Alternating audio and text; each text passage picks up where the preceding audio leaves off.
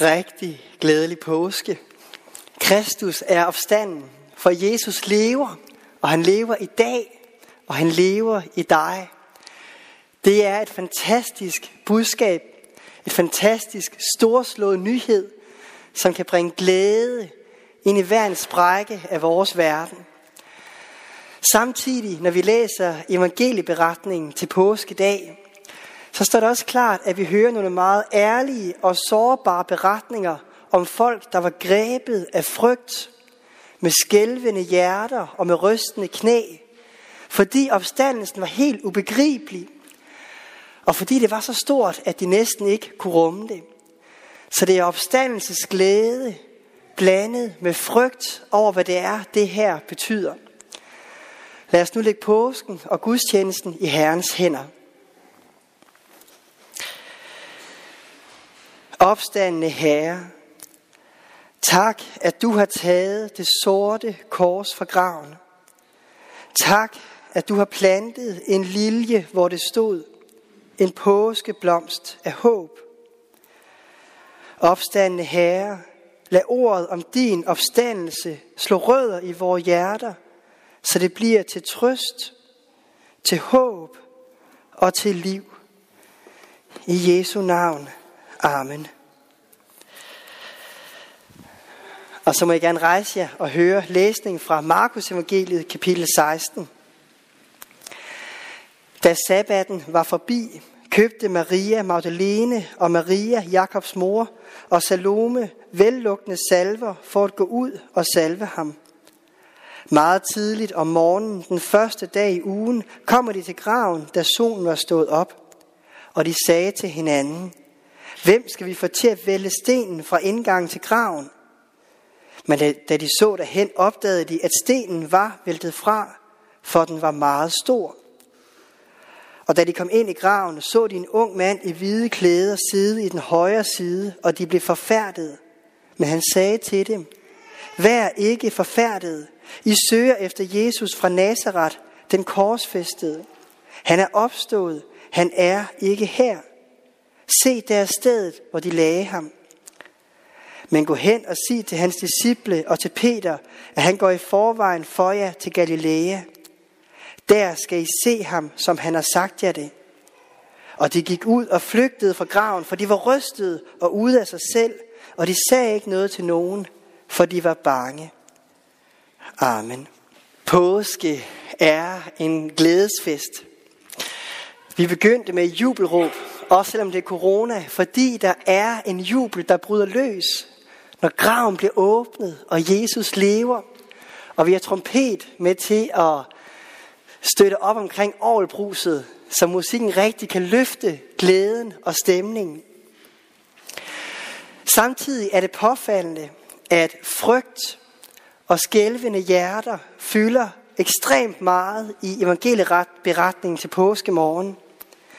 Det første englen siger til kvinderne, da de kommer ind i Jesu grav, det er, vær ikke forfærdet.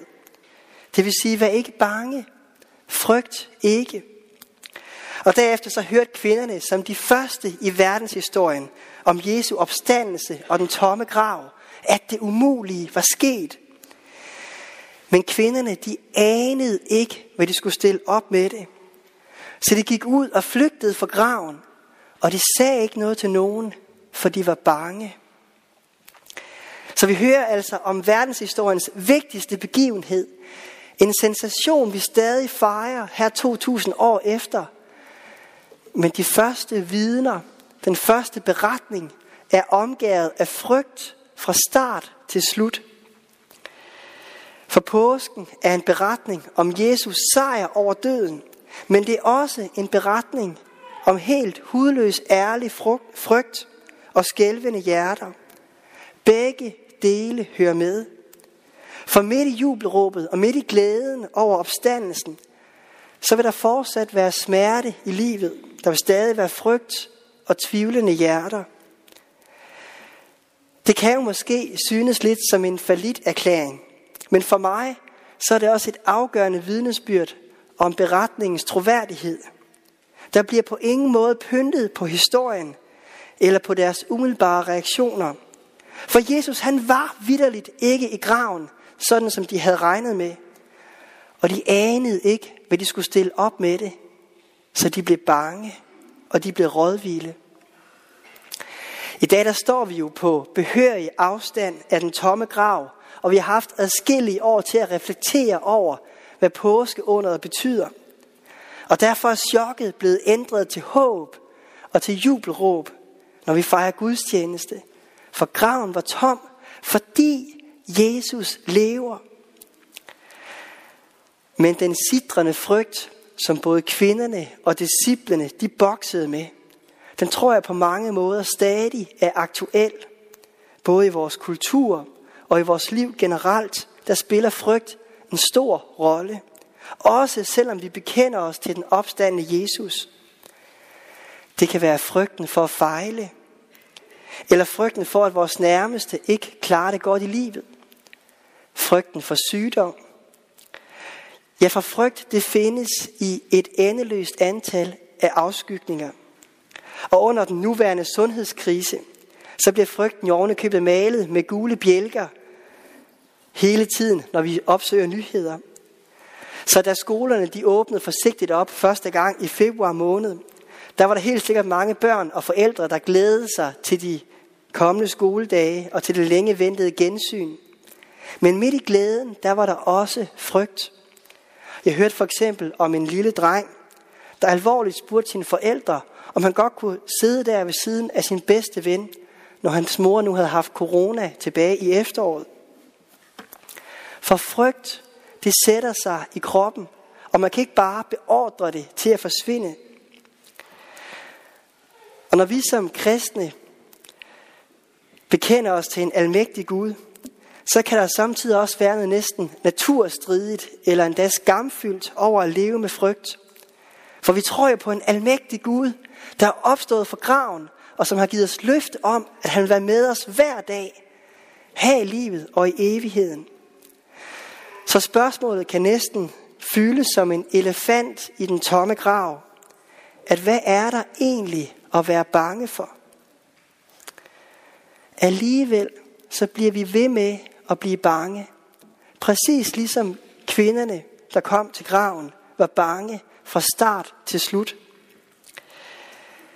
Og mens de tre kvinder de stadig befinder sig i graven, så giver englen dem en særlig besked. Englen siger, gå hen og sig til Jesu disciple og til Peter, at Jesus går i forvejen for jer til Galilea. Der skal I se ham, som han har sagt jer det. Altså fortæl de gode nyheder til Jesu disciple og til Peter. Jeg synes, det er en interessant bemærkning, for Peter var jo også en af disciplene. Alligevel bliver lagt en særlig vægt på, at de skal dele budskabet også med Peter. Senere der siger altså Jesus, at budskabet skal formidles til alle folkeslag. For hele verden skal høre om Jesu opstandelse. Det er så gode nyheder, at alle fortjener at høre det. Men i første ombæring, så skal beskeden gives med en særlig omsorg og opmærksomhed på Peter. Det vidner for mig om, at når vi skal dele det samme budskab med forskellige mennesker, så skal vi kommunikere det på forskellige måder. Fordi mennesker er forskellige og bærer på forskellige bagage. Men det vidner også om, at Gud han kender hver enkelt af os. Han vidste, at Peter var fuldstændig i kulkælderen. At han ikke bare skulle høre ordene, men at han skulle høre dem mindst tre gange, og høre dem med en særlig omsorg. For Peter havde lige mistet en af sine bedste venner, og ikke nok med det. I bitterhed og skam havde han også mistet sit gamle selvbillede. Han vidste ikke længere, hvem han var. Han var jo klippen Peter, som de andre kunne regne med og læne sig op af. Men det hele smuldrede, og nu ligger hans verden i massive ruiner, og han aner ikke sit levende råd. Så han er bange, bange for alting, bange for at kigge sig selv i øjnene, og bange for, hvad der nu skal ske. Så i beretningen i Markus evangeliet om Jesu opstandelse, der hører vi altså om fire personer ved navn. Om Maria Magdalene, om Salome, om Maria Jakobs mor og om Peter. Alle fire er i dyb nød og fuldstændig overmandet af frygt. Der er ingen af dem, der er i stand til at give nogle storslåede eller glædesfyldte proklamationer af opstandelsen. Tværtimod, de har alle sammen allermest lyst til at løbe væk og gemme sig. Og derfor bliver lige præcis de mødt med en særlig omsorg og en særlig opmærksomhed. For Jesus er også opstået for dem. Og Jesus ønsker også at leve med dem, også midt i deres frygt og deres angst. Det siges jo 365 gange i Bibelen, at vi ikke skal frygte. Frygt ikke. Det er en gang til hver dag hele året.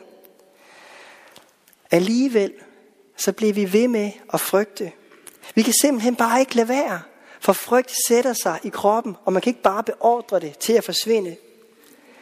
Så derfor havde både kvinderne og Peter brug for at blive fagnet på en særlig måde. Og det blev de. For Jesu kærlighed og Jesu opstandelse, den rækker også ind i hver en fiber og hver en afkrog af den frygt, som vi kan sidde med. Så den frygt, som du måske lever med, er hverken ubegrundet eller forkert, men den er slidsom og hård at leve med. Og derfor skal du vide, at Jesus også er opstået for dig. Midt i din frygt og midt i din tvivl. Og Jesu opstandelse bliver hverken mindre gyldig eller mindre virkelig af, at vi frygter. Tværtimod så bliver den vigtigere. For Jesu opstandelse gælder i alle livets faser, både i vores frygt og i vores frimodighed. Jeg forestiller mig, at kvinderne de også var bange, da de gik ud til graven tidligt om morgenen. Men alligevel så gik de. De søgte altså Jesus, mens de var bange, og mens de var kede af det.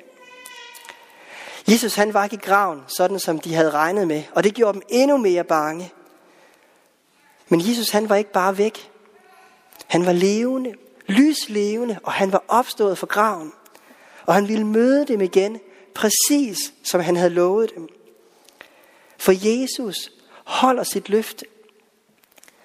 Og Jesus er brudt ud af mørket, ud af graven, for at være hos dig i de følelser og den frygt, som du sidder med.